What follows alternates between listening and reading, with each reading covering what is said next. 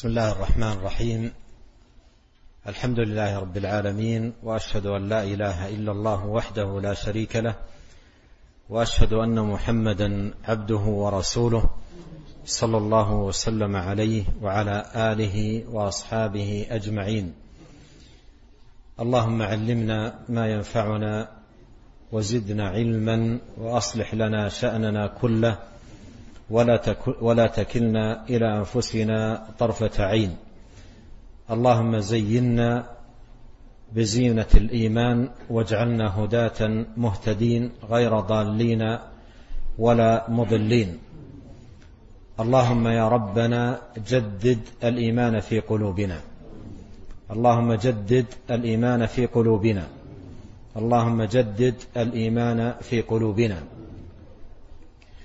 معاشر الكرام صح في الحديث عن نبينا عليه الصلاة والسلام أنه قال إن الإيمان ليخلق في جوف أحدكم كما يخلق الثوب. فاسألوا الله أن يجدد الإيمان في قلوبكم. وهذا الكتاب الذي بين أيدينا كتاب التوضيح والبيان لشجرة الإيمان كتاب مبارك في بابه. عظيم النفع فيما ألف له ألا وهو البيان والتوضيح لشجرة الإيمان العظيمة المباركة. فنسأل الله عز وجل الذي من علينا بهذا المجلس ويسره لنا أن يجعله موجبا لزيادة إيماننا وصلتنا بربنا تبارك وتعالى. وحقيقة مؤلف هذا الكتاب الإمام عبد الرحمن ابن سعدي رحمة الله عليه أجاد كثيرا وأفاد في هذا المختصر النافع في بيان الإيمان وإيضاحه من حيث بيان حقيقة الإيمان ومن حيث بيان الأمور التي يستمد منها الإيمان ومن حيث الفوائد والثمرات التي تجنى من الإيمان في الدنيا والآخرة. ولا نزال في الفصل الأول من فصول هذا الكتاب في بيان حد الإيمان وتفسيره. وقد ذكر رحمه الله تعالى آيات عديدة من كتاب الله عز وجل تفسر الإيمان وتبينه. ثم انتقل إلى سوق الأحاديث عن النبي الكريم عليه الصلاة والسلام في تفسير الإيمان. وهذه أمثل طريقة في تعريف الإيمان وبيان حقيقته أن يعرف الإيمان وأن تبين حقيقته من خلال الأدلة. فذكر أولا الآيات الشارحة للإيمان ثم شرع في سوق الأحاديث الشارحة للإيمان والمفسرة له. بدأها رحمه الله تعالى بحديث أنس في الصفحة الرابعة والثلاثين آخرها حديث أنس بن مالك رضي الله عنه أنه صلى الله عليه وسلم قال ثلاث من كن فيه وجد بهن حلاوة الإيمان أن يكون الله ورسوله أحب إليه مما سواهما وأن يحب المرء لا يحبه إلا لله وأن يكره أن يرجع عن دينه كما يكره أن يقذف في النار. هذا الحديث الذي ذكره رحمه الله تعالى يعد حديثا مفسرا للإيمان ومبينا لحقيقة الإيمان.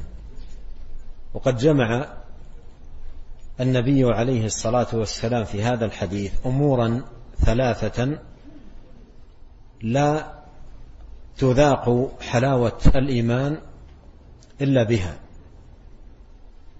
الأول أصل والثاني فرع والثالث نفي المضاد. فهذه أمور ثلاثة لا تذاق حلاوة الإيمان إلا بها. الأول أصل والثاني فرع عن هذا الأصل. والأمر الثالث نفي المضاد لهذا الأصل والمنافي له. يقول رحمه الله في بيان ذلك فذكر أي في الجملة الأولى من الحديث أصل الإيمان الذي هو محبة الله ورسوله صلى الله عليه وسلم ولا ولا يكتفي بمطلق المحبة. بل لا بد أو ولا يكتفى أيضا بمطلق المحبة بل لا بد أن تكون محبة الله ورسوله مقدمة على جميع المحاب. هذه المحبة تعد أصلا للإيمان والأصل هو ما لا يقوم الشيء إلا عليه. فالإيمان يقوم على هذا الأصل المتين أن يحب المرء الله وأن يحب رسوله عليه الصلاة والسلام محبة مقدمة على النفس والنفيس على الوالد والولد والناس أجمعين. ولهذا قال عليه الصلاة والسلام في الحديث الصحيح والذي نفسي بيده لا يؤمن أحدكم حتى أكون أحب إليه من والده وولده والناس أجمعين. وجاء في الحديث الآخر في صحيح البخاري أن النبي صلى الله عليه وسلم قال في قصة عمر لما قال والله إنك لأحب إلي من كل شيء إلا من نفسي. قال لا يؤمن أحدكم حتى أكون أحب إليه من نفسه. قال عمر والله لأنت الآن أحب إلي حتى من نفسي. قال الآن يا عمر. يعني الآن يتحقق الإيمان بأن تكون محبة الله ومحبة رسوله عليه الصلاة والسلام مقدمة على جميع المحاب على جميع المحاب. المحاب كثيرة لكن أهمها في نفوس الناس ثمانية أشياء.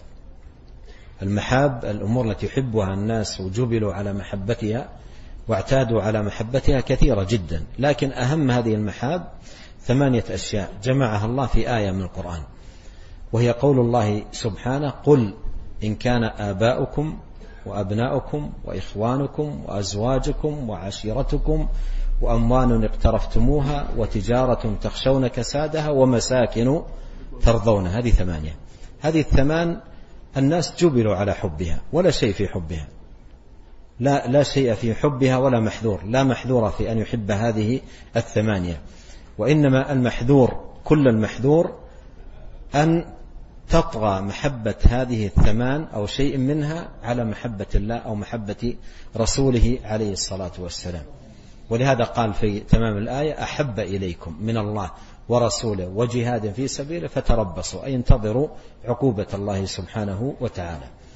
فإذا هذا أصل عظيم في باب الإيمان أن يقوم في القلب الذي هو أساس الصلاح محبة لله رب العالمين ومحبة لرسوله عليه الصلاة والسلام. محبة لله المعبود المقصود الملتجأ إليه ومحبة لرسوله المبلغ عليه الصلاة والسلام لدين الله وشرعه وهو صفوة عباد الله وخيرهم صلوات الله وسلامه وبركاته عليه. قال وذكر تفريعها بأن يحب لله ويبغض لله. هذا فرع عن الأول. إذا كان القلب قامت فيه محبة الله ومحبة رسوله عليه الصلاة والسلام صدقا وحقا فإنه سيتفرع عن هذا ولا بد أن يحب المرء لا يحبه لله وأن يبغض المرء لا يبغضه إلا لله بمعنى أن يكون حبه في الله وبغضه في الله. أما إذا كانت الأشياء المذكورة مقدمة على محبة الله ومحبة رسوله عليه الصلاة والسلام حينئذ سيكون الحب والبغض فيها ومن أجلها. لكن إذا كانت محبة الله هي الأساس وهي المرتكز القائم في القلب فإنه سيتفرع عن ذلك ولا بد أن يحب المرء لا يحبه إلا لله وأن يكون أيضا في بغضه لا يبغض إلا لله. يقول رحمة الله عليه وذكر تفريعها بأن يحب لله ويبغض لله. فيحب الأنبياء والصديقين والشهداء والصالحين لأنهم قاموا بمحاب الله واختصهم من بين خلقه. واختصهم من بين خلقه. من تحب؟ عندما يطرح هذا السؤال تجد كثير من الناشئة لا يتبادر في ذهنه إلا اللهو واللعب. وإذا طلب الأسماء أيضا لا يتبادر لذهنه إلا اللاهين واللاعبين. لكن هذا الفرع العظيم عن محبة الله سبحانه وتعالى هو هو ناشئ من قوة الإيمان من قوة الصلة بالله. لما قويت المحبة بالله وعظمت في القلب تفرع عن ذلك هذا الفرع العظيم وهو أنه يحب المرء لا يحبه لله. من تحب؟ يقول أحب الدرجة الأولى الأنبياء لأنهم صفوة عباد الله خلاصة الخلق وصفوتهم. ثم الصديقين والشهداء والصالحين. ولهذا جاء في الدعاء الثابت عن نبينا عليه الصلاة والسلام وهو دعاء عظيم جدا وجدير بنا أن نعنى به.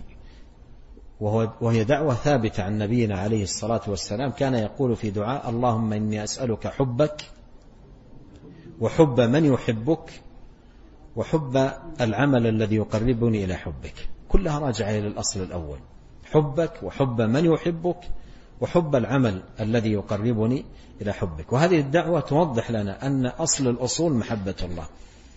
أن أصل الأصول التي ينشأ عنها كل خير وكل فضيلة هي محبة الله سبحانه وتعالى. ثم يتفرع عن هذه المحبة الصادقة أن يحب المرء لا يحبه إلا لله ويتفرع أيضا عن هذه المحبة الصادقة كراهية وبغض شديد للكفر كما يكره المرء أن يقذف في النار. وهذا الأمر الثالث. قال وذكر دفع ما يناقضه وينافيه.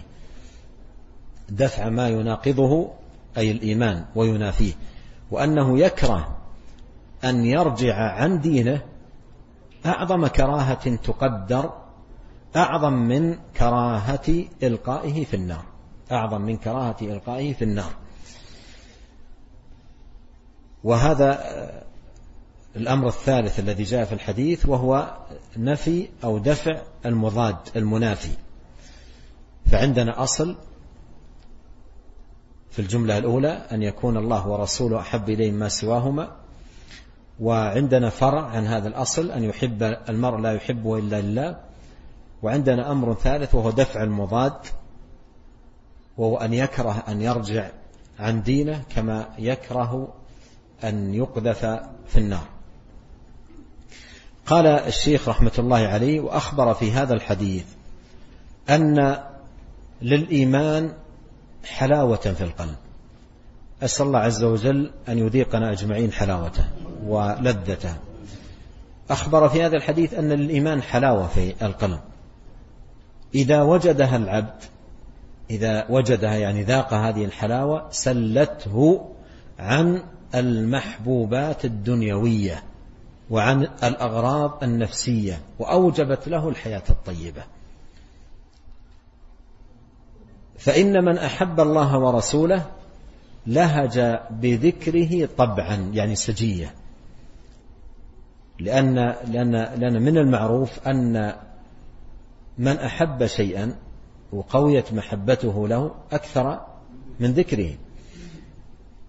فإن من أحب الله ورسوله صلى الله عليه وسلم لهج بذكر الله طبعا فإن من أحب شيئا أكثر من ذكره واجتهد في متابعة الرسول صلى الله عليه وسلم وقدم متابعته على كل قول وعلى إرادة النفوس وأغراضها. من كان كذلك فنفسه مطمئنة مستحلية للطاعات قد انشرح صدر صاحبها للإسلام فهو على نور من ربه. إذا هذه الحلاوة العظيمة واللذة والذوق ذاق طعم الإيمان الذوق لطعم الإيمان لا يأتي من فراغ وإنما يأتي من مجاهدة للنفس على تحقيق هذه المعاني العظيمة التي بتحقيقها يتحقق الإيمان وتذاق حلاوته.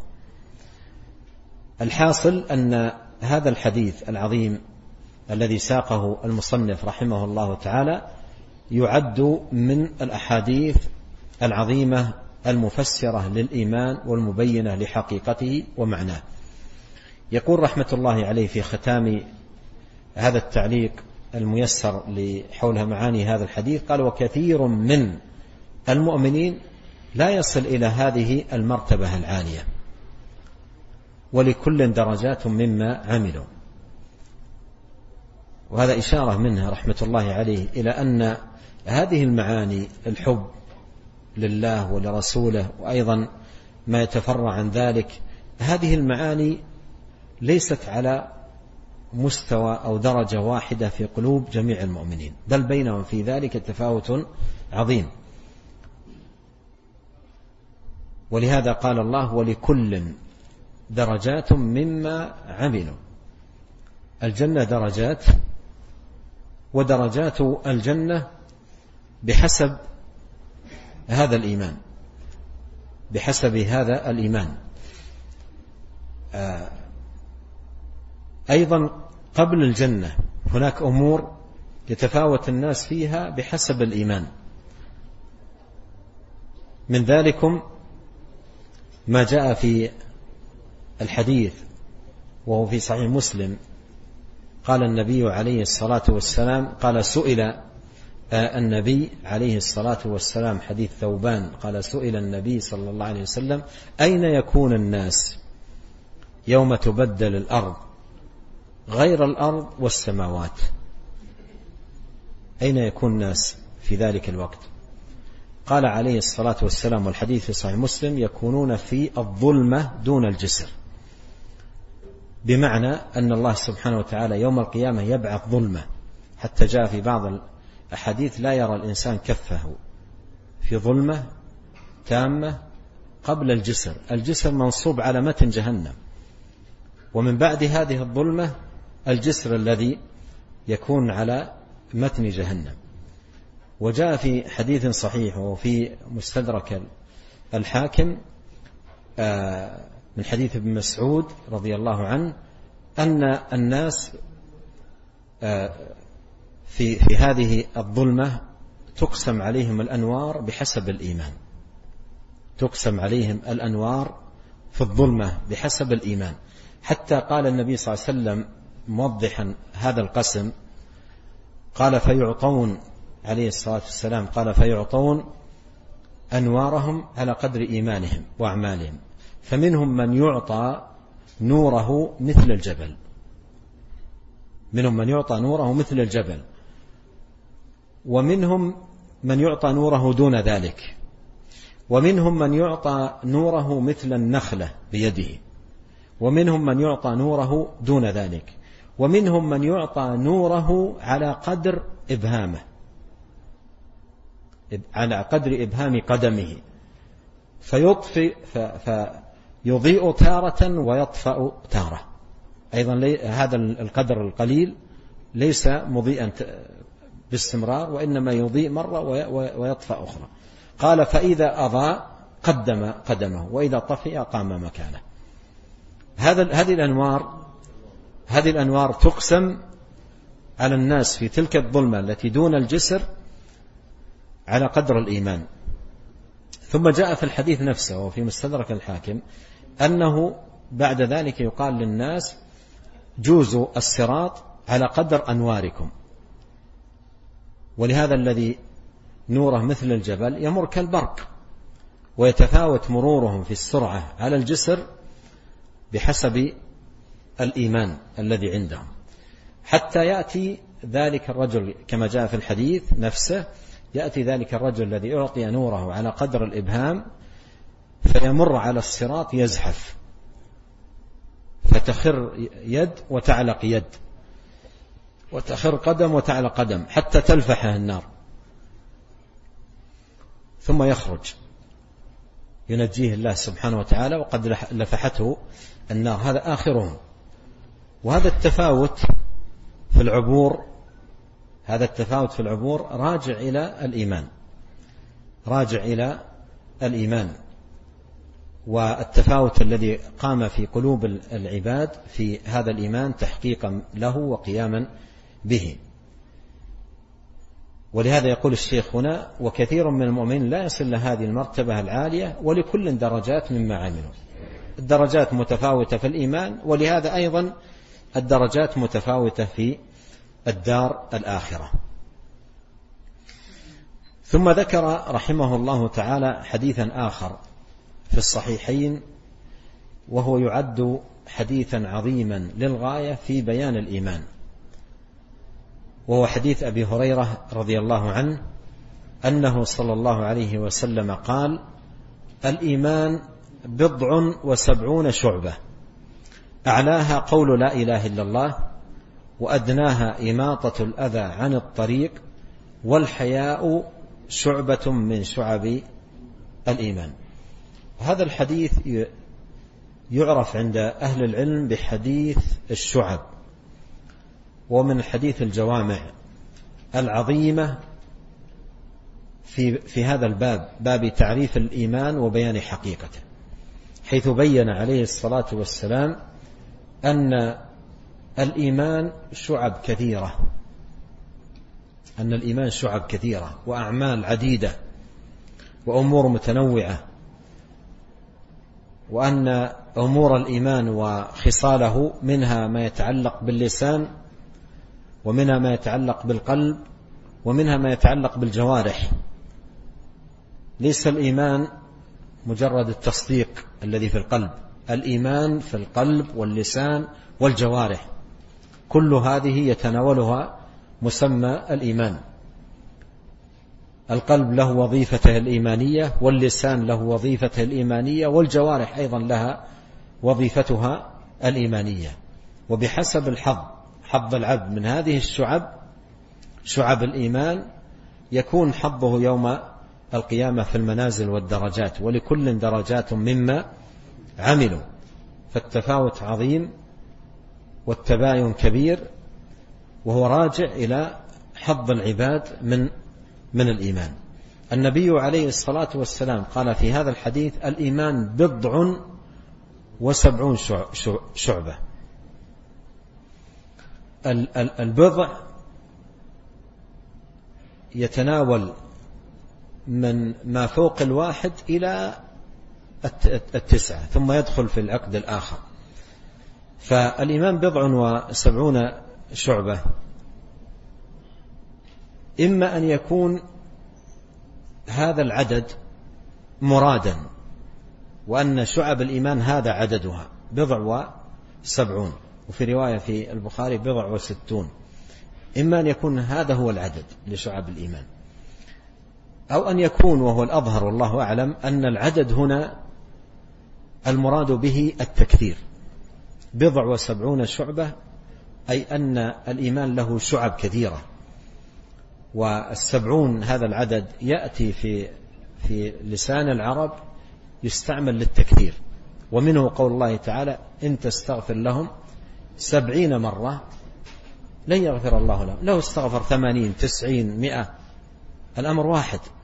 العدد ليس مرادا وإنما وإن استغفرت لهم كثيرا استغفارا كثيرا لن يغفر الله لهم.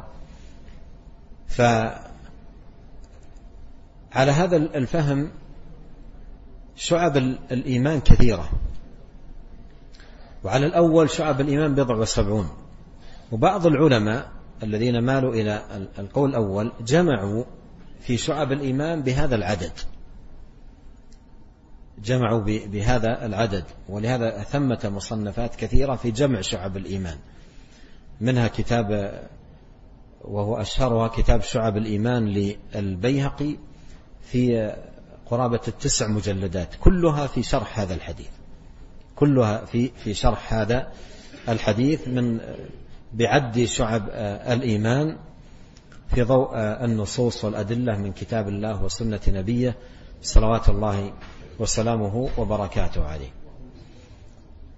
قوله في هذا الحديث أعلاها وأدناها قوله عليه الصلاة والسلام في هذا الحديث أعلاها وأدناها يدل على أن شعب الإيمان نفسها ليست على مستوى واحد بعضها أعلى من بعض. بعضها أعلى من بعض. وأعلى هذه الشعب وأعظمها كما في الحديث قول لا إله إلا الله. هذه أعلى شعب الإيمان. قول لا إله إلا الله. وهذا يفيد عظم شأن هذه الكلمة وعظم مكانتها في الدين. هذا الإيمان العظيم الذي تترتب عليه الخيرات كلها في الدنيا والآخرة أعلى شيء فيه قول لا إله إلا الله. أعلى شيء فيه قول لا إله إلا الله. فهي أعلى شعب الإيمان. والمراد بالقول إذا أطلق كما بين ذلك أهل العلم المراد به قول القلب واللسان. القول إذا أطلق يتناول قول القلب واللسان. قول القلب عقيدة وقول اللسان نطقا وتلفظا. أما إذا قيد القول فهو بحسب ما قيد به مثل يقولون بأفواههم ويقولون في أنفسهم. إذا قيد فهو بحسب ما قيد به. أما إذا أطلق فإنه يتناول قول القلب وقول اللسان معا. إذا قوله عليه الصلاة والسلام أعلاها قول لا إله إلا الله أعلاها قول لا إله إلا الله أي قولها بالقلب عقيدة وقولها باللسان نطقا وتلفظا بمعنى أن يقولها المؤمن عن عقيدة. أما إذا قالها المرء عن غير عقيدة عن غير إيمان لا ينفعه قوله لها. لا ينفعه قوله لهذه الكلمة إذا لم تكن نابع عن اعتقاد وإيمان. ولهذا جاءت في الأحاديث من قال لا إله إلا الله صدقا من قلبه. ولما قال أبو هريرة رضي الله عنه للنبي صلى الله عليه وسلم من أسعد الناس بشفاعتك يوم القيامة؟ قال من قال لا إله إلا الله خالصا من قلبه. خالصا من قلبه. فأفاد هذا أن لا إله إلا الله إنما تكون نافعة إذا كانت آه، إذا كانت قولا بالقلب اعتقادا وقولا باللسان نطقا وتلفظا. وهذا أعلى شعب الإيمان وأرفعها. قال وأدناها إماطة الأذى عن الطريق. إماطة الأذى عن الطريق هذا عمل من أجل الأعمال وأعظمها. لأن لأن مثل هذه الإماطة تنبع عن رحمة بالناس ومحبة للخير لهم وإبعاد للأذى عنهم ورفق بهم. هذا الذي يميط الأذى عن الطريق أماطه لمعاني إيمانية قامت في في قلبه. ولهذا ثواب هذا العمل عند الله عظيم. جاء في صحيح مسلم عن نبينا عليه الصلاة والسلام أن رجلا مر بغصن شجرة ذي شوك. في طريق المسلمين. قال والله لا أدع هذا في طريق المسلمين فيؤذيهم. فنحاه عن الطريق فشكر الله عمله فأدخله الجنة. فشكر الله عمله فأدخله الجنة. إماطة الأذى عن الطريق ليس عملا هينا. وإذا نظرت إلى واقع الناس في هذه الخصلة أو هذه الشعبة من شعب الإيمان تجد أنهم على أقسام ثلاثة. قسم يميط الأذى وهو خيرهم. وقسم يدع الأذى في الطريق يراه ويتركه. وقسم يضع الأذى في الطريق. وقسم يضع الأذى في الطريق. وخير الناس في من أكرمه الله بتحقيق هذه الشعبة فرحم الناس ورفق بهم فأماط عنهم الطريق. والله إن بعض الإماطة للأذى عن الطريق يحصل فيها من الخيرات ما لا يعلمه إلا الله سبحانه وتعالى. أحيانا بعض الطرق الطويلة التي تكون السيارات منطلقة فيها بسرعة هائلة أحيانا يكون فيها مثلا جمل ميت مصدوم أو كفر ساقط أو حجر. هذا لو ترك ربما تذهب أرواح ربما تذهب أرواح ببقاء في الطريق. مثل هذا الأذى لا يقال إماطته مستحبة من الطريق بل واجبة لأن هذا فيه درء شر ومفسدة عظيمة. ولهذا الإماطة إماطة الأذى عن الطريق أيضا تتفاوت حجمه بحسب نوع الأذى والمضرة للناس.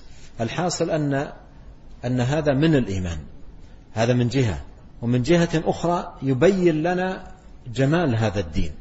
هذا من محاسن الإسلام. من محاسن هذا الدين العظيم أن أن يتناول حتى مثل هذه الأمور في تحقيق الأخوة والرابطة الإيمانية بأبهج صورها وأجمل حللها. ولو نقلت هذه المعاني من محاسن الدين لغير المسلمين يقول ابن باز رحمة الله عليه والله لدخلوا في دين الله أفواجا. لدخلوا في دين الله أفواجا. في ديننا جمال بل هو أجمل الجمال وأحسنه. لكننا من جهة مفرطين فيه ومن جهة أخرى مفرطين أيضا في نقله لمن لا يؤمن بالله ولا يؤمن بهذا الدين العظيم المبارك. قال والحياء شعبة من الإيمان. والحياء شعبة من الإيمان. الحياء خصلة عظيمة جدا. محلها القلب. وهذا يفيدنا أن الإيمان له أعمال مكانها القلب. من هذه الأعمال الحياء الحياء من الإيمان التوكل من الإيمان الإنابة من الإيمان الرجاء من الإيمان المحبة ومرت معنا في الحديث من الإيمان وكلها محلها القلب. فالقلب له وظائف إيمانية كثيرة جدا. له وظائف إيمانية كثيرة جدا.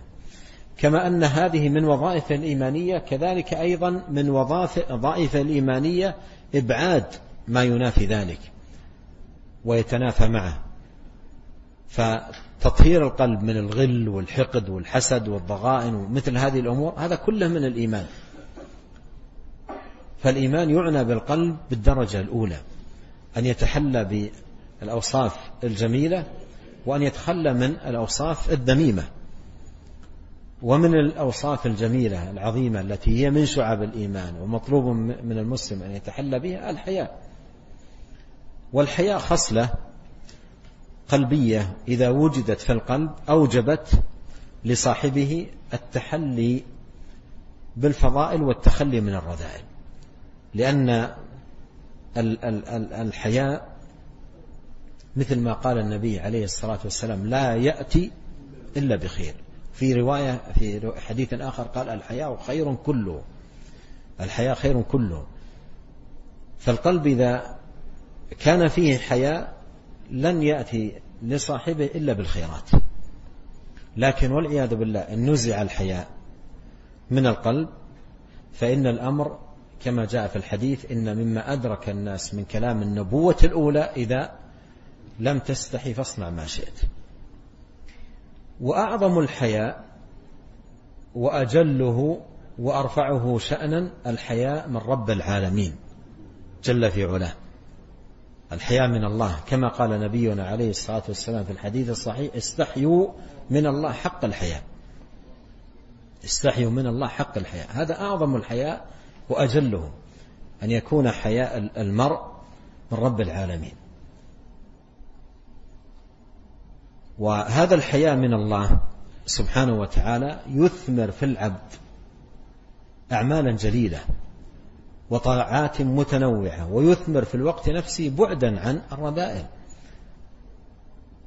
فكم من الخسائس والأمور الرديئة ما تركها المؤمن إلا حياء من الله سبحانه وتعالى وخوفا منه جل في علاه. أما إذا ذهب عن القلب الحياء من الله وذهب عن القلب الخوف من الله تجد المرء يستخفي بأعماله السيئة عن الناس ولا يستخفي من, الله. يستخفون من الناس ولا يستخفون من الله وهو معهم إذ يبيتون ما لا يرضى من القول. لما ذكر رحمه الله تعالى هذا الحديث العظيم قال وهذا صريح أن الإيمان يشمل أقوال اللسان وأعمال الجوارح والاعتقادات والأخلاق والقيام بحق الله والإحسان إلى خلقه. هذه الأمور التي ذكر كلها انتظمها هذا الحديث. أما أقوال اللسان ففي قوله أعلاها قول لا إله إلا الله. وأما أعمال الجوارح فمنها إماطة الأذى عن الطريق. وأما الاعتقادات ففي قوله قول لا إله إلا الله لأن القول كما قدمت إذا أطلق يشمل قول القلب عقيدة وقول اللسان نطقا وتلفظا. وأما الأخلاق ففي خلق الحياة وفي أيضا خلق الإماطة إماطة الأذى عن الطريق هذا من الآداب الآداب الشرعية العظيمة التي حث عليها هذا الدين العظيم. والقيام بحق الله الذي هو العبودية علاها قول لا إله إلا الله والإحسان إلى خلق الله مثل ما جاء في الحديث إماطة الأذى عن الطريق. فجمع عليه الصلاة والسلام في هذا الحديث بين أعلاه وأصله وقاعدته أي, أي الإيمان وهو قول لا إله إلا الله اعتقادا وتألها وإخلاصا لله. وهذا هو المراد بقول لا إله إلا الله. وبين أدناه وهو إماطة العظم والشوكة وكل ما يؤذي عن الطريق. فكيف بما فوق ذلك من الإحسان؟ وذكر الحياء والله أعلم لأن الحياء به حياة الإيمان وبه يدع العبد كل فعل قبيح كما به يتحقق بكل خلق حسن. وهذه الشعب المذكورة في هذا الحديث هي جميع شرائع الدين الظاهرة والباطنة. وهذا أيضا صريح في أن الإيمان يزيد وينقص بحسب زيادة هذه الشرائع والشعب واتصاف العبد بها أو عدمه. ومن المعلوم أن الناس يتفاوتون فيها تفاوتا كثيرا فمن زعم أن الإيمان لا يزيد ولا ينقص فقد خالف الحس مع مخالفته لنصوص الشرع كما ترى.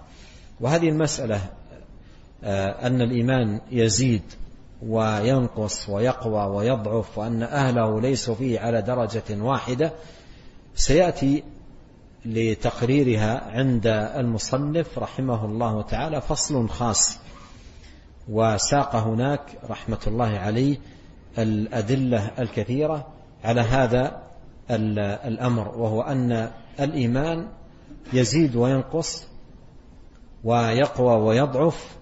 دل على ذلك النقل والحس الواقع. ومعنى قوله رحمة الله عليه الحس أن هذا أمر يجده المرء في نفسه. فمثلا عندما يكون المرء جالسا في مجلس لهو وغفلة. يجد أن هذا المجلس ينعكس عليه ضعفا في إيمانه في شيء هو يحسه من نفسه. حتى إن بعض الناس ليحدث عن نفسه أنه كان على قدر جيد من الإيمان لكن يقول عندما بدأت أنظر إلى كذا أشاهد كذا أجالس كذا من الناس وجدت أنني ضعف إيماني. حتى بعضهم يقول كنت أصلي أصبحت لا أصلي. أو كنت كذا وأصبحت كذا. كنت لا أفعل المحرمات وأصبحت. من أين جاءه هذا؟ من المجالس التي أثرت فيه هذا التأثير. وفي المقابل أيضا هناك أمور يحس المرء أنها تزيد إيمانه. مثل إذا أكرمه الله سبحانه وتعالى وجعل لنفسه نصيبا يوميا من قراءة القرآن. هذا يزيد الإيمان. هذا يزيد الإيمان زيادة عظيمة جدا. وإذا تليت عليهم آيات زادتهم إيمانا. فهذا يزيد الإيمان. مجالس الخير والعلم التي قال عنها النبي صلى الله عليه وسلم إذا مررتم برياض الجنة فارتعوا. قالوا وما رياض الجنة؟ قال حلق الذكر يعني مجالس العلم التي يذكر فيها العباد بالله وبدينه وبشرعه وبالحلال وبالحرام. هذه تزيد الإيمان. حتى إن الصحابة رضي الله عنهم وهذا ينقل عن عمر ومعاذ وعن جمع من الصحابة كان بعضهم يأخذ بيد بعض ويقول تعالوا نزدد إيمانا. تعالوا نزدد إيمانا. فيجلسون مجلس علم تحصل به زيادة الإيمان. فهذا أمر يحسه المرء من نفسه. يحسه من نفسه يحس من نفسه أنه تارة يجد إيمانه بازدياد وعندما يفتش يعرف الأسباب التي زادت إيمانه وأيضا يجد أحيانا نقصا في الإيمان وعندما يفتش في نفسه يعرف من أين دخل ومن أين أتاه هذا النقص. هذا الحديث الذي أمامنا حديث الشعب الإيمان بضع وسبعون شعبة هو يدل على أن الإيمان يزيد وينقص. لماذا؟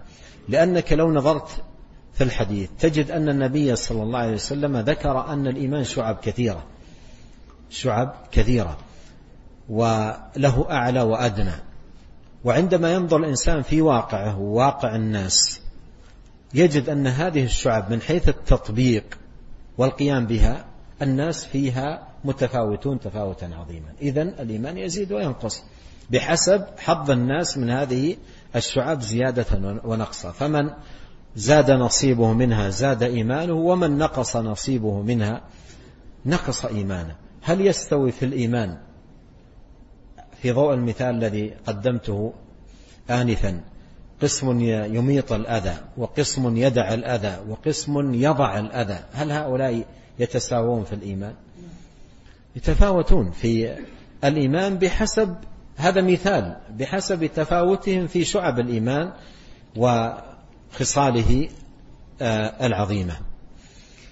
هذا الحديث حديث عظيم جدا في شرح الإيمان والعلماء رحمة الله عليهم أسهبوا في الكلام عليه واستخراج المعاني منه وأيضا عد الشعب في ضوء هذا الحديث حتى إن الإمام ابن حبان البستي رحمه الله صاحب الصحيح أمضى عمرا طويلا من حياته في هذا الحديث. يقول رحمه الله ذكر هذا في كتابه كتابه الصحيح شرح طريقة مع هذا الحديث حديث الشعب. يقول لما قرأت معنى كلامه يقول لما قرأت هذا الحديث أخذت أطلب هذه الشعب من القرآن. فأخذت أقرأ القرآن آية آية وأستخرج الطاعات التي في القرآن. فوجدت أن الطاعات كثيرة تزيد على هذا العدد. فرجعت مرة إلى القرآن أقرأه آية آية بالتدبر وأستخرج كل طاعة نص على أنها إيمان. كل طاعة نص على أنها إيمان.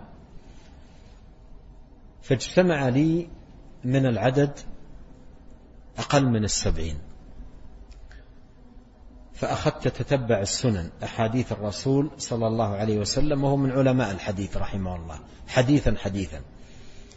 وأستخرج منها كل طاعة عدها النبي صلى الله عليه وسلم إيمانا. فاجتمع لي خصالا دون السبعين. فجمعت ما اجتمع لي من القرآن ومن السنة من الشعب التي نص على أنها إيمان فكانت بضع وسبعون شعبة. وأمضى في ذلك وقتا طويلا رحمه الله. قال رحمه الله وقد أودعت ذلك كله في كتاب وصف الإيمان وشرائعه. وهو من الكتب المفقودة. نعم. يقول وقد أودعت ذلك كله في كتاب وصف الإيمان وشعبه الحاصل أن العلماء يعني هذا شاهد فقط للجهود العظيمة التي بذلها العلماء في الكلام على هذا الحديث. وبعض الناس قد لا يحتمل مجلسا واحدا يقرأ فيه عن هذا الحديث. قد لا يحتمل مجلسا واحدا آه، يقرأ فيه عن هذا الحديث آه، العظيم حديث آه، حديث شعب الإيمان. بعد ذلك انتقل رحمه الله إلى حديث آخر مفسر للإيمان. قال رحمه الله وقد ذكر النبي صلى الله عليه وسلم الإسلام والإيمان في حديث جبريل المشهور. حيث سأله جبريل بحضرة الصحابة عن الإيمان. فقال أن تؤمن بالله وملائكته وكتبه ورسله واليوم الآخر والقدر خيره وشره. وفسر الإسلام بالشرائع الخمس الظاهرة لأن في الحديث نفسه لما قال أخبرني عن الإسلام قال أن تشهد أن لا إله إلا الله وأن محمد رسول الله وتقيم الصلاة وتؤتي الزكاة وتصوم رمضان وتحج البيت الحرام. ثم في آخر الحديث قال النبي عليه الصلاة والسلام هذا جبريل أتاكم يعلمكم دينكم. فعلم أن الدين اجتمع في هذا الحديث. ولهذا بعض العلماء يسمي هذا الحديث حديث جبريل يسميه أو يصفه بأم السنة مثل ما إن الفاتحة أم القرآن لأن الفاتحة حوت إجمالا ما حواه القرآن تفصيلا فهذا الحديث العظيم حوى الدين كله إجمالا كما حوته الأحاديث تفصيلا. فهو حديث من جوامع أحاديث الرسول الكريم عليه الصلاة والسلام. هذا الحديث يستفاد منه فائدة جليلة في تفسير الإيمان. استفاد منه فائدة جليلة في تفسير الإيمان. يقول الشيخ يقول الشيخ وفسر الإسلام بالشرائع الخمس لأنه كما تقدم إذا قرن إذا قرن أي الإسلام بالإيمان إذا قرن بالإيمان غيره فسر الإيمان بما في القلب من العقائد الدينية. والإسلام أو الأعمال الصالحة بالشرائع الظاهرة. وأما عند الإطلاق إذا أطلق الإيمان فقد تقدم أنه يشمل ذلك أجمع. بمعنى أن الإيمان إذا ذكر مفردا في النصوص فإنه يشمل الدين كله العقيدة والأعمال. أما إذا قرن الإيمان إذا قرن الإيمان بالإسلام فإن فإن المراد بالإيمان العقيدة. أن تؤمن بالله وملائكته وكتبه ورسله واليوم الآخر والقدر خيره وشره هذه كلها عقيدة في القلب. والمراد بالإسلام العمل. قال أن تشهد أن لا إله إلا الله وأن محمد رسول الله وتقيم الصلاة وتؤتي الزكاة وتصوم رمضان وتحج البيت الحرام. هذا عمل.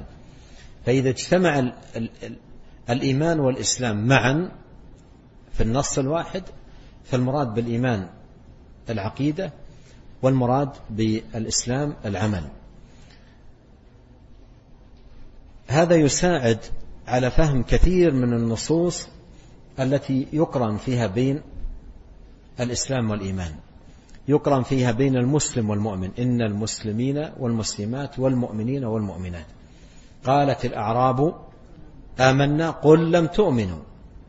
ولكن قولوا أسلمنا. ما زلتم في الدرجة التي هي درجة الإسلام. لأن درجة الإيمان أعلى. ولهذا العلماء رحمهم الله قالوا كل مؤمن مسلم. وليس كل مسلم مؤمنا لأن درجة الإيمان أعلى. ليس كل مسلم مؤمنا لأن لما قال هؤلاء الأعراب وهم في بداية التدين آمنا قال الله قل لم تؤمنوا ولكن قولوا أسلمنا. متى يكون من أهل هذا الوصف؟ قال ولما يدخل الإيمان في قلوبكم. يعني الإيمان عندما تتمكن العقيدة من القلب. لاحظ هنا ملاحظة مهمة. أن العقيدة إذا تمكنت من القلب صلح العمل ولا بد. ولهذا قالوا كل مؤمن مسلم لأنه إذا تمكنت العقيدة صحيحة في القلب ورسخت فإن العمل يصلح ولا بد تبعا لصلاح القلب. وشاهد ذلك قول النبي عليه الصلاة والسلام ألا إن في الجسد مضغة؟ إذا صلحت صلح الجسد كله وإذا فسدت فسد الجسد كله ألا وهي القلب. فهذا الحديث حديث عظيم جدا في تفسير الإيمان. ومما يستفاد من هذا الحديث الذي هو حديث جبريل أن الإيمان يقوم على أصول لا قيام له إلا عليها. وهي هذه الأصول الستة التي جمعها النبي عليه الصلاة والسلام في هذا الحديث. فالإيمان مثله مثل الشجرة مثل ما قدم الشيخ في أول الكتاب وكما أن الشجرة لا تقوم على إلا على أصلها فكذلك شجرة الإيمان لا تقوم إلا على أصلها. وأصل هذه الشجرة هي هذه الأمور العظيمة أن تؤمن بالله وملائكته وكتبه ورسله واليوم الآخر وأن تؤمن بالقدر خيره وشره. ثم مضى الشيخ رحمة الله عليه في سوق الأحاديث في تعريف الإيمان وذكر منها هذا الحديث العظيم حديث أنس في الصحيحين أن النبي صلى الله عليه وسلم قال لا يؤمن أحدكم حتى أكون أحب إليه من والده وولده والناس أجمعين.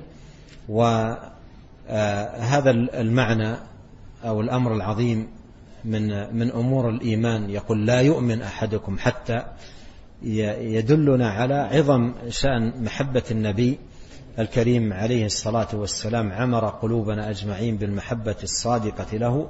صلى الله عليه وسلم ورزقنا أجمعين حسن الاتباع والائتساء لهديه صلوات الله وسلامه عليه. والكلام على هذا الحديث وما بعده يرجى إلى اللقاء القادم بإذن الله سبحانه وتعالى. نسأل الله الكريم التوفيق والتسديد والإعانة على كل خير وأن يصلح لنا شأننا. كله وألا يكلنا إلى أنفسنا طرفة عين. فأسأل الله عز وجل أن ينفعنا أجمعين بما علمنا وأن يزيدنا علما وأن يصلح لنا شأننا كله وأن يهدينا إليه صراطا مستقيما وأن يغفر لنا ولوالدينا ولمشايخنا ولولاة أمرنا وللمسلمين والمسلمات والمؤمنين والمؤمنات الأحياء منهم والأموات. اللهم زينا بزينة الإيمان واجعلنا هداة مهتدين غير ضالين ولا مضلين. اللهم أصلح لنا ديننا الذي وعصمة أمرنا وأصلح لنا دنيانا التي فيها معاشنا وأصلح لنا آخرتنا التي فيها معادنا واجعل الحياة زيادة لنا في كل خير والموت راحة لنا من كل شر. اللهم آت نفوسنا تقواها وزكها أنت خير من زكاها أنت وليها ومولاها. اللهم إنا نسألك الهدى والتقى والعفة والغنى. سبحانك اللهم وبحمدك أشهد أن لا إله إلا أنت أستغفرك وأتوب إليك. اللهم صل وسلم على عبدك ورسولك نبينا محمد وآله وصحبه.